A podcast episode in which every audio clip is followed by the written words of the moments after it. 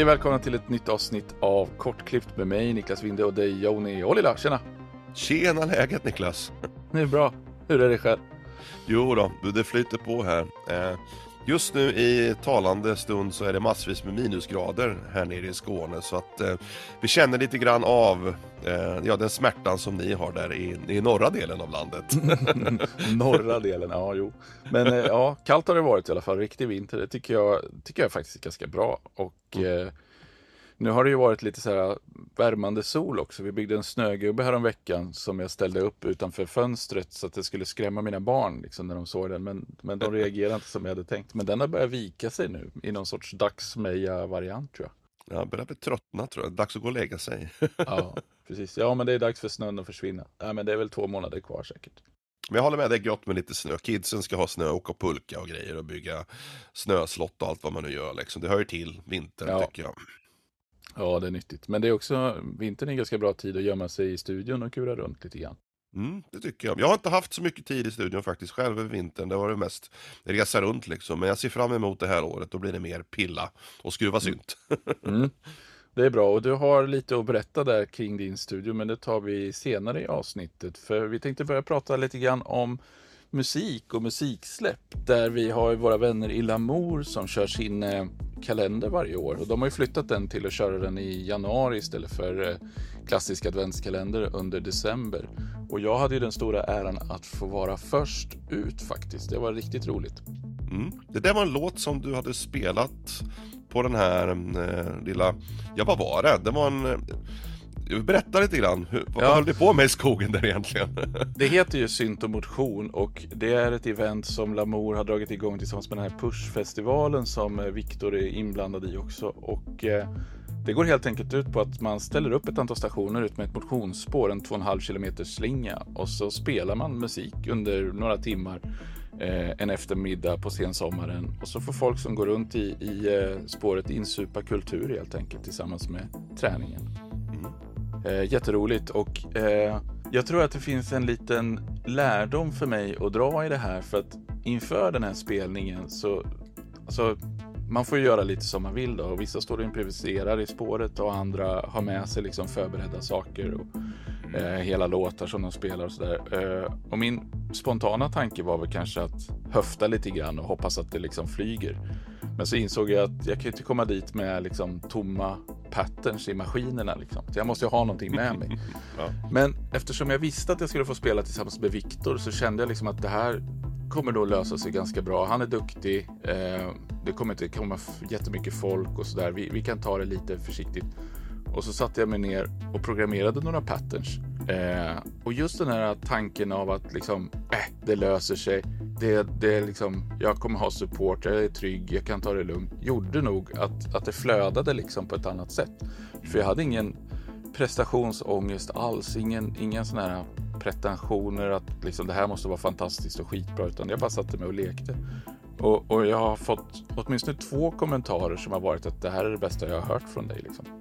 Coolt, coolt. Mm, Då är det liksom, då har du tagit derivat då från den spelningen och gjort en faktisk in, alltså high quality inspelning hemma så det är inte materialet du spelade live utan du har spelat om i studion, eller hur? Ja, korrekt. Jag har eh, satt upp det hemma och sen har jag försökt imitera de grejer som eh, Viktor spelade tillsammans med mig då. Eh, och byggt ihop en, en hel låt. Alltså det som man kan höra i Lamour-kalendern är eh, en inspelning jag gjort hemma i studion då. Från Ja, de patterns jag hade med mig till skogen och det jag improviserade ovanpå det i skogen. Då. Så du har lite grann gjort en cover på dig själv kan man säga. Ja, kan man nog nästan säga. Ja, Eh, men, men, och det är väldigt generöst att, att folk får vara med i den här och du får ju också vara med. Du, jag får också vara med. Jag tror nog att min låt kommer säkert vara ute vid det här laget. Jag minns inte att det var låt nummer 12 eller 13. 13 tror jag det var. Eh, Mm. The Untimely Demise of the Sycamore Gap som handlar om eh, ja, det där trädet som sågades ner av en, en eh, snubbe i ja, var det England eller vart, vart det nu ligger, eh, det här trädet som har en väldigt, väldigt fotogenisk vy. Mycket turister som har fotat det där trädet genom åren. Eh, och då passade jag på att skriva en låt om upplevelserna av händelsen. Eh, och så får ni höra hur den låter med Burg-projektet då, kan tilläggas. ja, precis. Jag tänkte Eh, fråga men- dig vilket, vilket av dem det var. precis. så det är lite så här, eh, det hade jag gjort på en dag, eh, endagssession. Eh, det är lite vokoder, lite röst, röstsamplingar och sånt där för folk som berättar om, om den tråkiga händelsen som jag har då processat och gjort liksom vokoder, atmosfärer utav och så. Lite burg-style på det. mm. Men vi kommer väl länka till hela playlisten då och även våra individuella låtar tänkte jag. Eh, så folk ska få höra hur det låter ja. i länkinformationen. Absolut. Det är ju en hel del andra mysiga och trevliga artister. Hittills till dags dato, eh, när vi spelar in den här 8 januari, så har vi AKB och Alpha Mound och även Angst Sessions som vi har pratat om i ett avsnitt. Och även Sven Fredrik, Motormännen, Nano Ona Östergårds och ett band som heter Shaperwave. Så det är väldigt mycket trevlig musik. Eh, så jag tycker ni alla ska ta och kolla in eh, den här playlisten. Den är alldeles gratis att eh, tanka ner om man så vill. Eller lyssna på på strömmingtjänster Men kan man även sponsra en liten slant om man vill. Och det tycker jag ni ska göra. Ja, absolut. Ja. Eh, nej, och, och, det är ju, eh, Nonona har ju varit med på en artistspecial, hon har varit med i min intervjupodd och hon har ju tagit ett litet extra kliv i sin låt den här gången, för hon sjunger ju faktiskt själv. Mm. Eh, det är lite roligt. Eh, och sen Shaperwave som kommer idag då. Det är ju Ove som eh, figurerar där uppe i Sandviken tillsammans bland annat med Björn som jag har intervjuat också. Har de ju bandet Polygon Legion eh, tillsammans med Björns fru också som sjunger. Men eh, Ove har ett annat projekt också som heter Blue Ocean Dream som jag faktiskt släppte en EP med här i mellandagarna som jag också tycker ni ska ta och kolla in.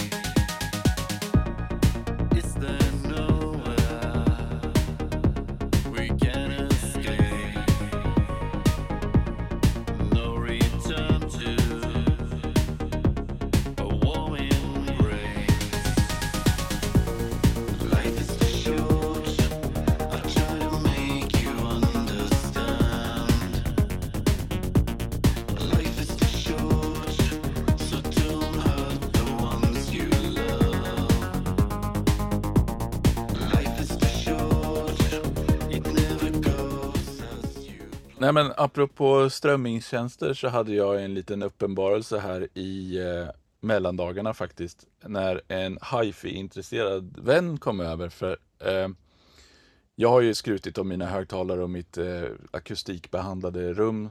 Och han var lite nyfiken på att höra hur det lät. Så jag sa åt honom att ja, men ta med dig lite CD och, och kom över. Men han, han sa det med några CD, de är nedpackade i garaget. Så att, eh, han tog med sitt eh, inlogg på Tidal istället. Mm. Eh, och så körde vi lite låtar och det är ju en det är ju synd och skam att man har gått och dragits med Spotify så länge som man har gjort och vant sig vid, vid den här usla kvaliteten som deras fjuttiga mp3-or skänker. Alltså för att vi, jag har ju mina playlists i, eh, i Spotify och vi kollade upp de låtarna och när man liksom kunde jämföra, liksom AB-jämföra sådär så är det ju sån otrolig skillnad så man blir mörkrädd. Eh, och det känns ju lite skämmigt för mig att sitta och säga här och eftersom jag påstår mig vara något sån här ljudintresserad och hålla på med ljud och, och, sånt. Men många av de här låtarna som, som jag har upptäckt på sista tiden och lyssnat på på Spotify har jag ju aldrig hört någon annanstans. Och jag har ju inte tagit mig tiden att leta rätt på dem på Bandcamp eller köpa dem på någon CD om de ens finns på CD. Liksom. Mm. Eh, så, så att jag tror att jag har gått och lurat mig att liksom stå ut med Spotify-kvalitet för att jag inte har tänkt på att det finns något bättre. Men eh, ja, jag kan, jag kan säga så, så att nu har jag avslutat mitt Spotify-konto och skaffat ett Tidal-konto istället. Mm, mm. Ja, alltså lite reflektioner där. Alltså, jag har ju inte tänkt så mycket på ljudkvaliteten eh, Spotify för att jag använder ju liksom inte musik, eh, alltså strömningstjänster på det sättet för att hifi-lyssna. Jag har mina vinylskivor och mina kassettband och sånt där som jag spelar i stereon hemma. Och så är ju strömningstjänsterna till då för att ja, fylla på liksom de här små gapen man har då. Kanske man lyssnar på Sonos-högtalarna i, i köket eller i, i något annat rum i huset. Som egentligen också är ett kassa liksom. Så att eh, ur den aspekten så har inte jag riktigt eh, haft någon ambition att försöka lyfta ljudkvaliteten i min lyssning till Tidal. Jag har ju andra, andra anledningen till varför jag byter från Spotify faktiskt. Mer för att de är rövhattar snarare än att det är dålig och kass kvalitet på deras musik. Ja, och de har, ju, de har ju pratat om att de ska släppa ett Spotify Premium med, med hifi kvalitet i många, många år. Men det har man ju inte sett röken av. Nej, nej. Och en, jag, jag testade ju Tidal för, för länge sedan och eh, då hittade jag ju väldigt lite av den musik jag ville lyssna på. Men nu har jag gjort såna överföringar av mina playlists från eh, Spotify och liksom, ja det är kanske, det är under en procent som inte har kommit över liksom. Och, och då, det kan jag leva med. Det är faktiskt en väldigt bra Eh, väldigt bra tips. Eh, även om man kanske inte vill byta, man kanske vill synka sina playlists, så kan man faktiskt använda det. Du kommer inte ihåg eh, om det top of my head vad den heter, men det är typ Tune Your Music eller något sånt där. Mm. Vi kan länka till den i show notesen här också. Eh, för, för er som kanske har Apple Music, Spotify och Tidal som snurrar av flera olika anledningar på olika system, så kan det vara bra liksom att veta att man kan flytta de här på ett väldigt enkelt och okomplicerat sätt. Det är mm. gratis upp till 500 låtar tror jag. På en av eh, tjänsterna eh, var det det, ja. Precis. precis och på ja, den precis. andra var det några andra begränsningar. Precis, precis. Så det får man ju kolla upp då, vad som passar ja. eh, ens dagliga behov. Då. Men eh, jag flyttade ju både min och frugans playlists från Spotify till Apple Music. Eh, och det tog kanske någon timme att sitta och peta med det där. Men det var det, det, var det faktiskt värt eh, i ja. slutändan. Sen går det ju att betala för dem och då är det obegränsat så kan du liksom pröjsa en månad och så får du allting överskuffat och så var det klart så. Precis ja, precis ja. Värt att nämna också, eh, nu har inte jag kollat upp det hundraprocentigt eh, säkert, men jag hade Spotify Family för mig och, och, barnen och nu har jag Tidal Family och jag har, fått, jag har för mig att man får fler personer för mindre pengar på Tidal. Eh, det är värt att kolla upp i alla fall, jag ska inte säga hundra att det är så. Jag tror det var fem personer på Family-kontot, var det inte så? Alltså dig själv plus fem? Ja, mig själv plus fem på Tidal. Ja. Ja precis, men då är det nog samma tror jag. Då är det nog samma på Spotify tror jag. Men jag för mig Spotify var dyrare. Ja. Eh, I vilket fall som helst då så ska jag ju nämna att alltså min vardagslyssning sker ju också i undermåliga system så då spelar det väl kanske inte kvaliteten så stor roll. Men jag har ju, jag har ju ett antal gamla CD som jag finlyssnar på i, i liksom studion. Men sen så har jag upptäckt en massa musik tack vare Spotify som jag är väldigt glad för eh, som jag aldrig lyssnat på på något annat sätt än, än via Spotify. Då. Och nu är jag ju glad för att kunna lyssna på den högupplöst. Mm, mm. Alltså jag har ju gjort samma byte som du har eh, från Spotify till Apple Music men det är av helt andra anledningar. Alltså, jag har ju personligen väldigt stort problem med hur Spotify hanterar, alltså du vet, de är inte transparenta gällande hur, alltså vart pengarna går någonstans och framförallt att de nu på senare tid har jag även börjat hinta om att de ska liksom minimera utbetalningar till underground-artister, det vill säga folk som har tusen strömningar eller mindre per låt. Och det där, mm. för mig, slår ju väldigt illa, gör det, tycker jag. För att jag är ju själv i den kategorin och många med mig i den musikbranschen som vi sysslar i, i elektronisk musik, vi har ju liksom inga stora pengar eh, som kommer in. Eh, så att vi får ju räkna våra kronor och ören eh, med ganska ja, små marginaler egentligen på daglig basis. För att ens få ihop till en kopp kaffe liksom. Och då känns det ju väldigt surt att den här koppen med kaffe, den försvinner helt. Eh, på många av de låtarna som vi har där ute. Nu ska jag väl lämna det här helt osagt då, för jag har inte sett detaljerna exakt hur den här nya beräkningsmodellen kommer att se ut för det här året. Men jag tror, eh, eller jag känner spontant att som under, undergroundartist så är man liksom inte, du, du räknas inte som, som en, en värdig artist i Spotifys ögon.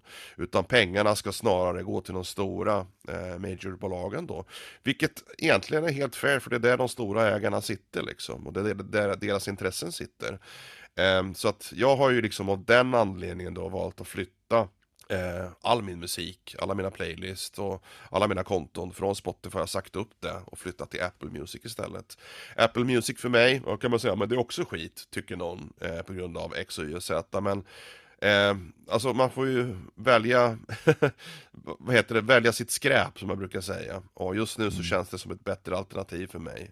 Eh, och jag gillar faktiskt Eh, på det sättet Apple Music, eh, man har ju möjlighet att synka musiken på ett annat sätt. Eh, jag spelade med Johan Bäckström live för inte så länge sedan, förra året. Och då fick jag liksom hela hans backtrack, så la jag upp det i datorn, så dök det upp i min telefon, i paddan, jag kunde ha med mig det där och lyssna på det där överallt. Så det finns mm. vissa liksom eh, molnfunktioner då som är väldigt, väldigt bra, eh, som jag känner kanske saknas både hos Tidal och hos Spotify. Så det är lite sådär eh, små grejer då. Eh, sen om man ska titta på saker som jag kanske saknar hos Spotify, algoritmen är exceptionellt bra. Ur den aspekten att när man skapar en playlist så kan man få då förslag utifrån musiken som ligger i den playlisten. Allt eftersom den uppdateras så uppdateras då även algoritmen. Eh, så det är väl kanske en av de sakerna som jag känner jag saknar mest då. Eh, som användare av Apple Music. Tidal hade en liknande funktion. Eh, men ja. den var inte lika vass tycker jag i sina, sina förslag. Så det tar väl ett tag antar jag innan, innan den kan tränas ordentligt för att ge eh, mer detaljerade eh, förslag på musik som man kan tänka gilla. Mm. Ja men det gör den ju. Eh, jag har inte börjat testa min algoritm ordentligt ännu men, men jag, jag tycker att min Spotify-algoritm betedde sig jävligt konstigt. Då måste jag ha uppdaterat den genom åren också. För att i början så fick jag jättemycket musik som jag tyckte jättemycket om, men som jag inte hade på mina egna playlists. Mm. Hade, det finns en sån här Discover Weekly där man får något 20-tal låtar varje måndag som man kan gå igenom och, och, och, tycka till om. Liksom.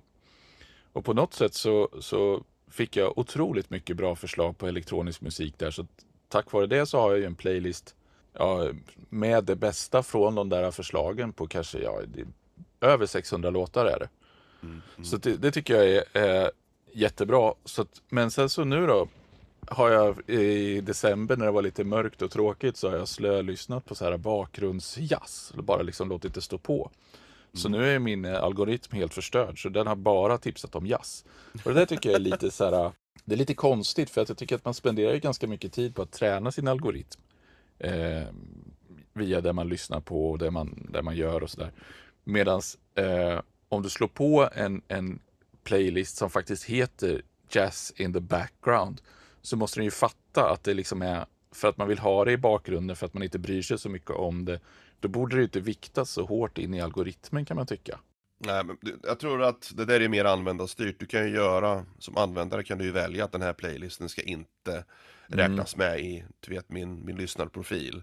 Och mm. det är ju oavsett egentligen vilken typ av musik eller vilken playlist eller, eller vad du än lyssnar på. Så det måste du själv göra, det aktiva valet.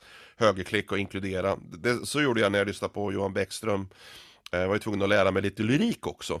Mm. så han hade gjort en, en playlist med bara hans låtar som skulle vara på eh, sätten så jag kunde sjunga med och lära mig texten. Då kunde jag liksom högerklicka då på den och säga då att inkludera inte den här i min profil. För att annars mm. hade jag bara blivit Johan Bäckström-låtar liksom i, i min 2023 Wrapped.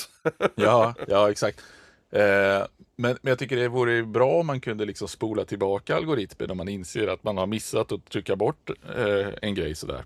Mm. Och säga bara, du men hoppa tillbaka till som du var i början av december, för så här kan vi inte ha det. Det kan man faktiskt göra i Apple Music, för att du är ju du som användare som väljer då vad du klickar like på när du sätter hjärtan och sånt där liksom. Och det triggar i sin tur algoritmen att lära sig vad det är för mm. någonting du gillar att lyssna på genom att göra unlike på musik som du inte alltså, längre gillar kommer i sin tur att skapa då en annan profil eh, i, i låtarna som, som du liksom presenteras med. Då.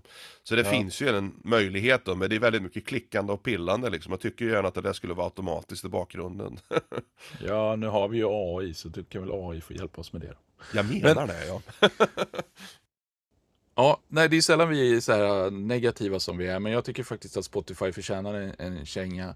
Däremot så vill jag faktiskt ta upp eh, hela den här grejen med strömningstjänster och liksom den revolutionen som faktiskt har skett här. Jag, jag, jag uppskattar den. Jag måste säga att jag är ganska glad och tacksam att Spotify drog igång det. Eh, för det är väl egentligen de som var pionjärerna och drivande och, och eh, jag är också tacksam att det har kommit eh, finansiärer som har sett till att de kan driva det där med förlust i hur många år som helst. För att, för att jag menar, det sättet vi kan konsumera musik på idag hade man inte kunnat drömma om för 20-25 år sedan. Eh, och, och, det sättet vi kan upptäcka ny musik på är ju helt fantastiskt. Och likadant, jag måste faktiskt säga det att som, som producent är jag också tacksam för hur lätt det är att distribuera musiken till folk. Hur man liksom bara kan skicka en länk till Spotify och säga bara men nu kolla, jag har min låt här ute, lyssna på den. Och hur det kan sprida sig organiskt av sig självt ut i världen och, och, och hitta nya lyssnare och sånt där. Eh, så även om jag tycker att Spotify är rövhattar som, som är dåliga på att berätta hur lite vi ska få betalt.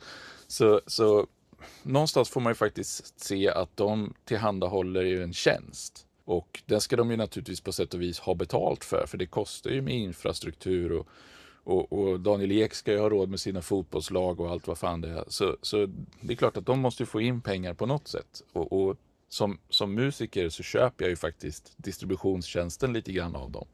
Så mm. jag, jag är ganska okej okay med att jag inte får så vansinnigt mycket pengar. Men jag tycker det är töntigt när de sänker den redan nästan obefintliga utbetalningen till mig. Ja, alltså jag är ju totalt motsatt din, din det här är roligt för det, alltså jag tycker ju helt tvärtom. Jag tycker att Spotify ska ha mer skit än ros alltså för Alltså vi som musiker är ju egentligen den, alltså artist eller, eller vad ska man säga, artistkåren eller yrkeskåren som Eh, är egentligen mest nedvärderade tycker jag. Eh, när man tittar på, på arbetsmarknaden. För att Tänk så här, om du, du, du är mjuk, mjukvaruutvecklare, om du skulle få betalt, säg att ah, jag, jag, fick ta ett abonnemang då som hette Software, Softwareify, betala 99 kronor i månaden och fick tillgång till alla mjukvaror i hela världen och du fick ett öre för varje gång någon använder din mjukvara som utvecklare. Mm. Då skulle det se lite annorlunda ut, eller hur? För att det är mm. samma modell egentligen, fast på en annan yrkeskår. Eh, mm. Eh, problemet är att jag tycker inte att eh, folk, gemene man eller du vet de stora investerarna värderar den här yrkeskåren tillräckligt för att ge musiker den faktiska peng som jag tycker att de är värda. För tar vi bort då all kultur, all musik, all teater, all film då blir det inte så mycket kvar att leva för tycker jag och liksom alltså, utvecklas med som människa. Så att jag känner liksom att eh, de här strömningstjänsterna har jag väldigt, väldigt svårt för. Visst, jag håller med. Jag tycker att utvecklingen är rolig. Jag tycker det är intressant. Jag tycker det är liksom bra att vi har kommit till en viss nivå när vi kan konsumera musik på en annan nivå än vi gjort tidigare. Men alltså, problemet blir ju att, att eh, ju mer strömningstjänster du har, desto, alltså, du devalverar musikens värde, eh, tycker mm. jag, eh, mm. med de här strömningstjänsterna. Så att jag som, jag som artist, eller jag som lyssnare, jag som liksom eh, person som kanske lyssnar på mitt nya favoritband här på Spotify, jag tycker att jag på något sätt supportar dem genom att jag gör det. Det är ju to to totalt motsatta, så du får ju liksom en snedvriden bild av hur du som eh, konsument av musik egentligen ska supporta den som skapar musiken. Så det är där jag har det stora problemet med strömningstjänsterna. Så att jag skulle hellre vilja se en, en annan modell där jag som lyssnare, om jag betalar 100 kronor så lyssnar jag bara på på, ja, eh, Abu Nines platta eller kanske lyssnar på Nano Onas platta. Så lyssnar jag bara på Nano Ona under en hel månad så får de mina 99 kronor liksom. Minus då den procenten som krävs för att hålla plattformen och systemet snurrande.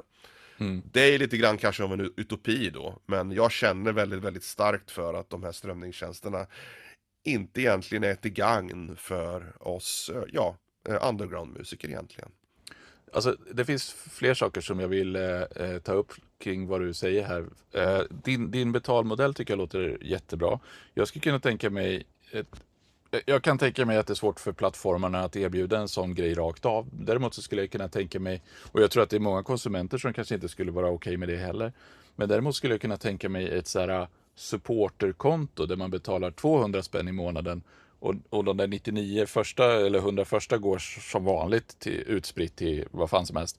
Medan de sista 100 delas på dina 10 mest lyssnade artister. Mm. Till exempel. Eh, för då har du liksom ett, ett frivilligt extra supportläge motsvarande om du skulle leta upp personens musik på Bandcamp. För att Alltså jag har ju köpt vissa saker på Bandcamp för att jag vill supporta musiker, men det är så jävla obekvämt att lyssna på.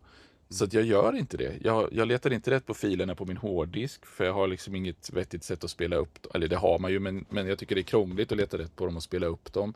Jag bränner inte ut dem på en skiva för att kunna finlyssna på dem. Utan som konsument tycker jag ju om stream, äh, strömningstjänsternas gränssnitt. Det är väldigt lätt mm. att liksom mm. bara starta appen och trycka play. Liksom. Så att de gånger jag har köpt saker på Bandcamp så brukar jag oftast inte ladda ner det bara för att jag, jag vill ju bara ge personen lite betalt eh, för att visa uppskattning. Och därför så mm. tror jag att din, ditt förslag kring en betalmodell eller mitt förslag kring en betalmodell skulle kunna vara till gagn för, för musiker. Mm. Eh, och, och jag, jag, hoppas att det kommer någon sån lösning. Men sen så vill jag ta upp en annan sak. För du, du pratar om att musiker som yrkeskategori har devalverats och musiken har devalverats. Delvis på grund av strömningstjänsterna men sen tror jag att rent allmänt i samhället så stämmer det också för att mm. man ser musik helt enkelt som hyllvara snarare än som konst eh, numera. Och, och hela det här snacket kring att AI kan ta över och göra en poplåt. Ja, absolut. Om du vill ha mer hyllvara poplåtar så kan AI göra hur mycket som helst åt dig. Men liksom, det som är konst, som berör och som påverkar folk kräver fortfarande en människa. Och det är inte, alla, det är inte ens alla vanliga musiker som, som kan göra den typen av musik. Jag skulle, jag skulle av, av alla låtar jag har gjort, om säg att det är 200 så kanske det är en eller två som kanske har förmågan att beröra någon. Resten är, är mer eller mindre hyllvarumusik. Och det är nästa poäng jag vill göra. För jag är inte, jag aspirerar inte på ett yrke som musiker. Det här är min hobby. Och som hobbyist förväntar jag mig inte att tjäna några pengar. Och det, det här tror jag är liksom en, jag vet inte riktigt vart man ska dra gränsen och hur man ska fundera kring det här. Men jag menar, jag har varit lite intresserad av dragracing eh, och, och, varit på lite sådana körningar. Och då är det ju alltså människor som sätter sig, eller de, de skruvar hela vintern på sin bil och sen så sätter de sig i en buss och så kör de från Piteå ner till Eskilstuna för att vara med på och köra några race. Och jag menar, går det bra så tar ett sånt race åtta sekunder och sen är du klar. Och liksom, det betalar de ju tiotusentals pengar, om inte hundratusentals pengar för att få göra, för det är deras hobby liksom och förväntar sig inte att få betalt. Har de tur får de lite spons som täcker lite av de där kostnaderna. Så ur ett hobbyistperspektiv så upplever jag att strömningstjänsterna ger mig jättemycket för pengarna. Eftersom jag kan sprida min musik, jag kan få uppskattning och jag kan få liksom Ja, men jag kan ju bara skicka en länk till, till någon kompis och säga bara men lyssna på min senaste låt. Det är skitenkelt istället för att behöva mejla dem någon mp3-fil som de aldrig kommer lyssna på. Så som hobbyist så är jag okej okay med liksom att inte få betalt och, och till och med betala lite för den här typen av tjänst. Men det gör ju att liksom klivet upp till att bli en, en yrkesverksam musiker kanske blir svårare. Eller så blir det lättare för att det är lättare att få spridning på sin musik så att man kan få spelningar och så att man kan få upp strömningarna. Jag, jag vet inte, jag tycker det är en svår balansgång. Ja, det är intressant, eh, alltså liknelse du gör det med hobbyisten, men alltså hobbyisten, då har man ju ändå som för avsikt att göra någonting eh, för att inte, alltså för, för brödfödan så att säga. Och mm. jämför du då till exempel en, en dragster, en person som har spons, som har, eh, du vet, kunder och klientel som kommer att titta liksom, det finns prispengar på pallen och jada jada och vinna. Eh, det är en ganska stor skillnad liksom, eh, mm. antar jag i inkomsten. Men vad är det då som hindrar, alltså, alltså om du har en hobbyistnivå på det så blir det ju ändå, som du säger, svårt att snurra runt det där och, och göra liksom det till sitt eh, dagliga eh, livsverke. Och det är det jag känner som är kanske svårt idag. Det har blivit svårare idag på grund av alltså, musiken finns ju överallt. Förr om åren så var det väldigt svårt att få skivkontrakt. Jag vet inte om du tänkte på det när du var ung. Liksom. Det var inte alls lika lätt att få skivkontrakt och det var alltid Det var viss klientel som, som kom upp till den nivån och man fick bråka och slåss om att få skivkontrakt. Idag så kan vem som helst släppa musiken och det behöver egentligen, egentligen inte ens vara musik enligt vissas kriterier, liksom det kan vara bakgrundsbrus och sånt där och jada jada. Eh, mm. Så att tröskeln har ju minskat för, eh, för personer att kunna presentera sin musik, vilket jag tycker är helt fine. Men det måste ändå finnas liksom en ge och ta-grej där om folk eh, betalar pengar för att lyssna på din musik så förväntar jag mig ändå att du som artist som har gjort musiken ska få ta en del av kakan. Och mm. så funkar det inte idag. Nej, det gör det inte. Så det, det där problemet är, det är väldigt, väldigt enkel problemställning. Och det där mm. tycker jag problemet är. Och sen kan man, eh, du vet, filosofera huruvida man är hobbyist eller yrkesmusiker eller inte.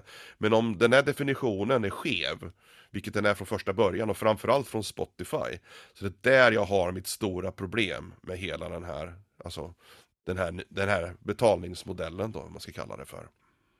Nej men du har ju alldeles rätt i att, att betalningsmodellen är ju skev för att eh, eh på något sätt så är det ju musiken ändå som, som skapar materialet som, som eh, Spotify säljer. Så att eh, utan musiker så hade ju Daniel Ek inte kunnat köpa sig något fotbollslag överhuvudtaget. Nej, precis. Men med det sagt, vi tycker om strömningstjänster ändå. Alltså det är inte så att vi hatar dem på något sätt, bara att vi, vi, vi, vi känner väldigt starkt för det här ämnet och därför vi är lite heta på gröten. ja, men sen så tycker jag det är bra att vi stöter och blöter lite saker och kanske tycker olika ibland också. Precis, precis. Så efter det här blir det slagsmål. ja, precis.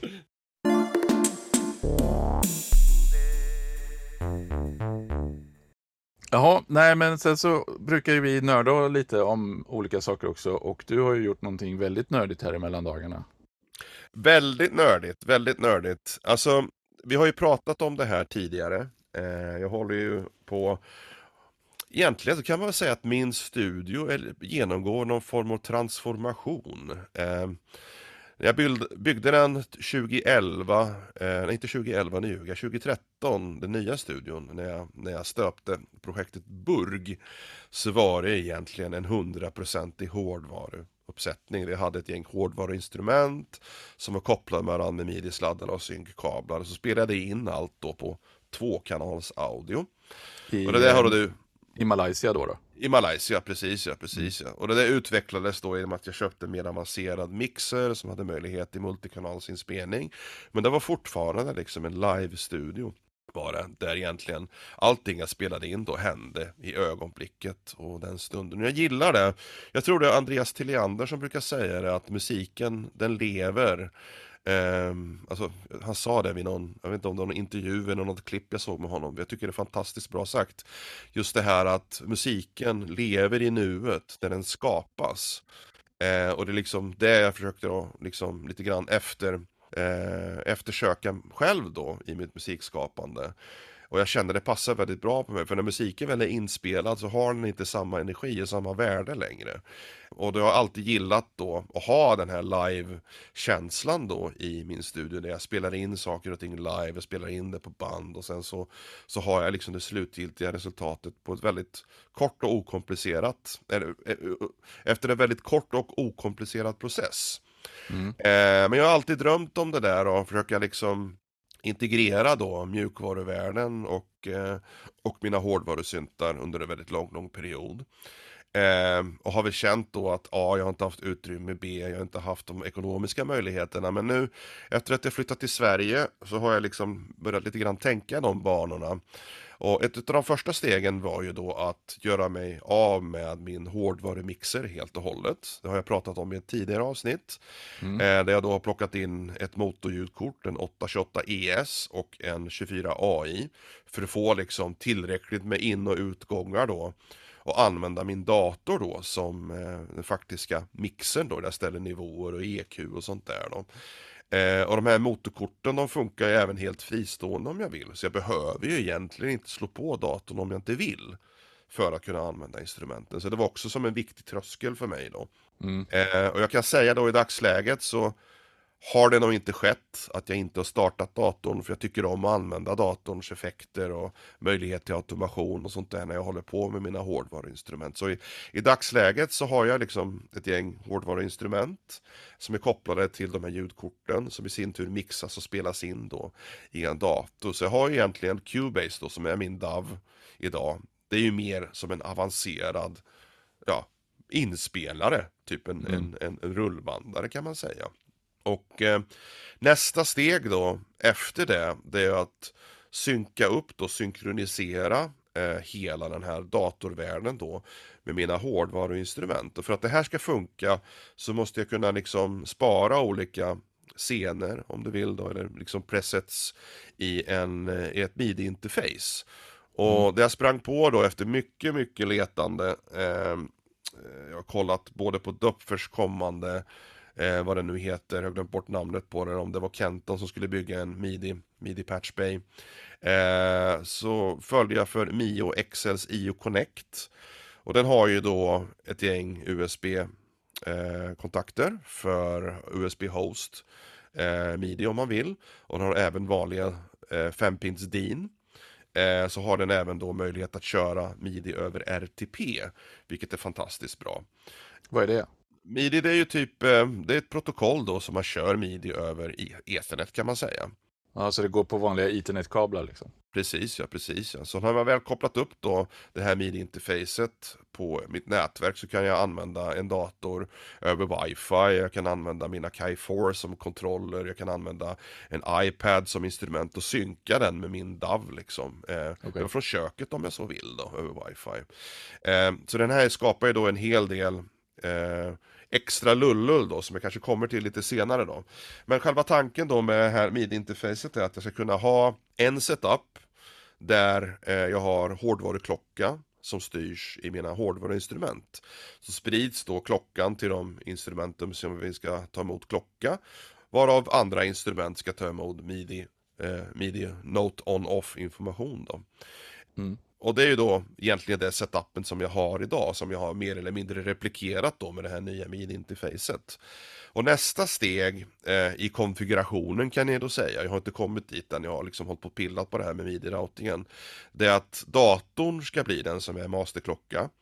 Och så skickar den då klocksignal till de instrumenten som ska ha klocka och även midi on-off då till de instrumenten som ska ha det. Och då kan jag liksom eh, köra min DAV samtidigt då med mina instrument som jag har i hårdvarusättningen med perfekt synk då förhoppningsvis. Mm. Eh, och på det sättet då så kan jag då även eh, jobba live då med, eh, med eh, alltså klocksynkade grejer, liksom med delay och sånt där och även då köra VST samtidigt då med mina instrument. Och kanske använda en looper i datorn istället för att behöva ha en looppedal och sådana där saker då. Och det blir ju då en, eh, för mig är det då en best of both worlds, att jag kan ha då en helt fristående hårdvarusetup där midi-patchbayen är inställd då på eh, alltså klocka via digitakt då. Så digitakten startar och stoppar allting. Ska jag byta patch med en knapptryckning, bokstavligt talat, på den här midi patchbayen och så byta då till en setup där datorn är klocka istället. Eh, så det går väldigt, väldigt fort att byta liksom profiler. Man sparar egentligen då eh, konfigurationsinställningar och midi-routing eh, vilket instrument, vilket keyboard man ska styra då, de andra instrumenten med och så vidare. Eh, så man bygger egentligen några olika profiler då kan man säga som kan funka eh, på ett väldigt enkelt och okomplicerat sätt. Då. Eh, så att jag är där precis nu där jag har replikerat eh, hårdvarusetupen och nästa steg är att konfigurera så att mjukvaruinstrumenten även kan få vara med och spela synt. Just det. Och då, och då kan du kolla upp latency och sådana grejer som blir i, i midi-kedjan och kompensera för det i den där direkt från början. Absolut, absolut. Och det är så himla smidigt och snabbt också. Alltså, jag har ju inte sett någon direkt eh, problem med latency. Jag har ju max två, tre instrument tror jag har i kedja idag. Och jag har replikerat samma setup och inställningar när jag har installerat det här midi-interfacet. Så att jag har jag har inte upplevt någon, några latency-problem. Och är det nu så att det blir det så kan jag som du säger även kompensera det på antingen midi-nivå eller jag kan även kompensera det när jag väl spelar in materialet på tape då, eller på, ja, i Cubase så att säga. Ja, eh, så att det är väldigt, väldigt spännande är det. Eh, det var kul att skruva in det här, det är 90-tums rack, eh, väldigt bra, den har typ så 8 det är en av fler portar på baksidan, massvis med DIN-portar på baksidan och så har den USB-host-portar på baksidan. Så har den även på framsidan ett gäng DIN-interface och även då så man kan liksom plugga in saker direkt på plats då. Så det är väldigt cleant interface. Mm. Eh, är det. Så det passar väldigt bra in i, i min studiosetup. Jag gillar inte att ha massa sladdar som dräller ut på framsidan så. Eh, sen har jag även då kopplat då eh, Midi RTP eh, som det heter. Då har jag en ethernet-sladd som går från mitt midi-interface till min switch då som jag har i, i studion. Som även delar då nätverk med resten av huset och med resten av studion. Och eh, på det sättet så kan man då assigna eh, för varje instrument. Typ att jag har min Matriark till exempel. Kan jag tala om då att Matriarken ska ha den här porten, den här RTP-adressen, så får den egentligen då en IP-adress plus ett portnummer på mitt nätverk. Eh, så kan jag då kalla på den från egentligen vilket instrument som helst och kunna routa den precis hur jag vill i, i mitt nätverk då. Så det är också väldigt kraftfullt om jag, eh, någon kanske kommer hit med en DAV så kan de koppla in sin DAV och så kan jag dela då en RTP-klocka med den DAVen så kan man köra den samtidigt med min setup. Så det är Just någonting det. som du och jag ska testa tänkte jag när du kommer hit med Bitwig nästa gång och synka ja. upp våra system som en liten kul grej att prova. det ska vi definitivt göra. Mm. Och då, ja absolut, vad roligt. Eh, för Bitwig kan ju naturligtvis ta in en klocka från vad som helst och då, då eh, då ska man inte behöva mer än att, man, att jag sätter mig på ditt wifi då helt enkelt. Och så. Precis, precis. Du bara kopplar upp det på mitt wifi. Så Core Audio eh, har ju stöd, inte Core Audio, det heter någonting annat i, i MacOS X-världen. Man ställer in liksom, det finns en inställning när man gör då i, eh, nu har jag glömt bort helt vad det heter, men det finns en midi eh, sektion då i, i Apple som talar om då vilka interface man har inkopplade just nu för tillfället. Och även då när man kopplar in nya RTP-interface så kan man se IP-adresserna på alla enheter och sådär. Så det är väldigt, väldigt lätt och överskådligt där. Eh, men det kan vi ta som en, som en bonusgrej eh, i ett framtida avsnitt. Definitivt, det ska bli jätteroligt att testa.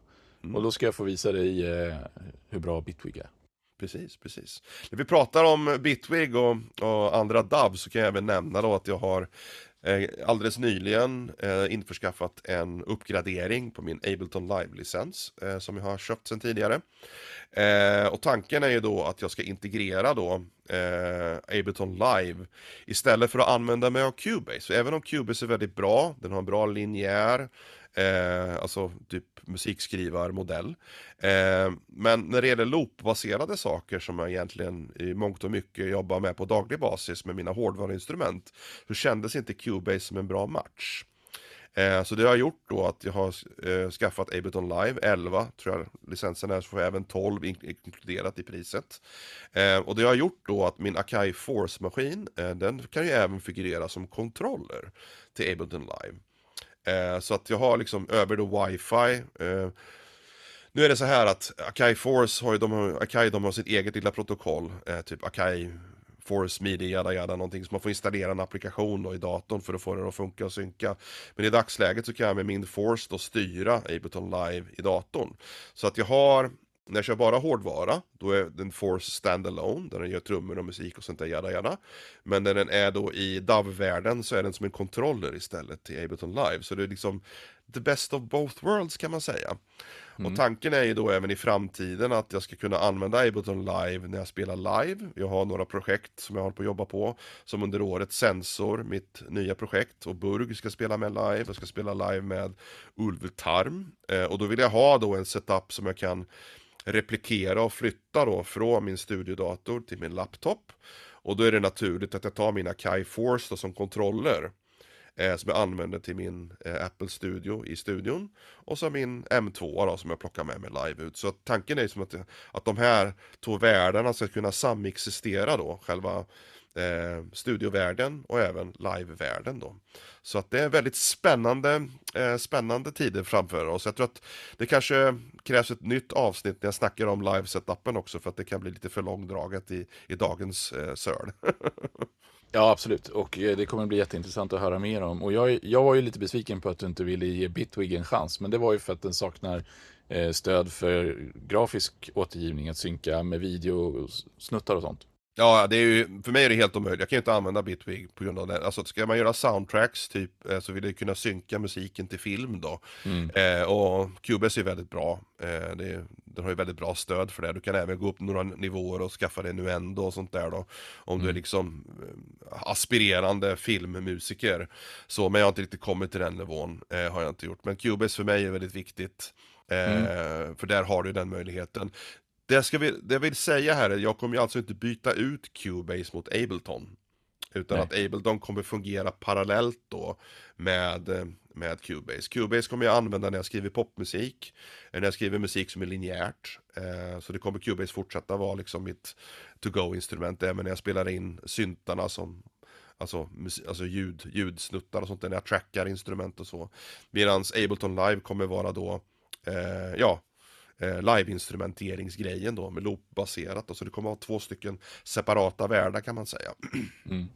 Absolut. Nej, men det blir intressant att se hur du lyckas integrera det och, och eh, höra dig berätta om dina framtida live-experiment. Och då har vi ju några fina uppslag till kommande avsnitt. Det har vi. För att jag tror att vi får vara ganska klara för idag. Du, det tycker jag också. Och ni där ute, som vanligt, nu glömmer ni inte att spela synt. Tack och hej. Tack och hej.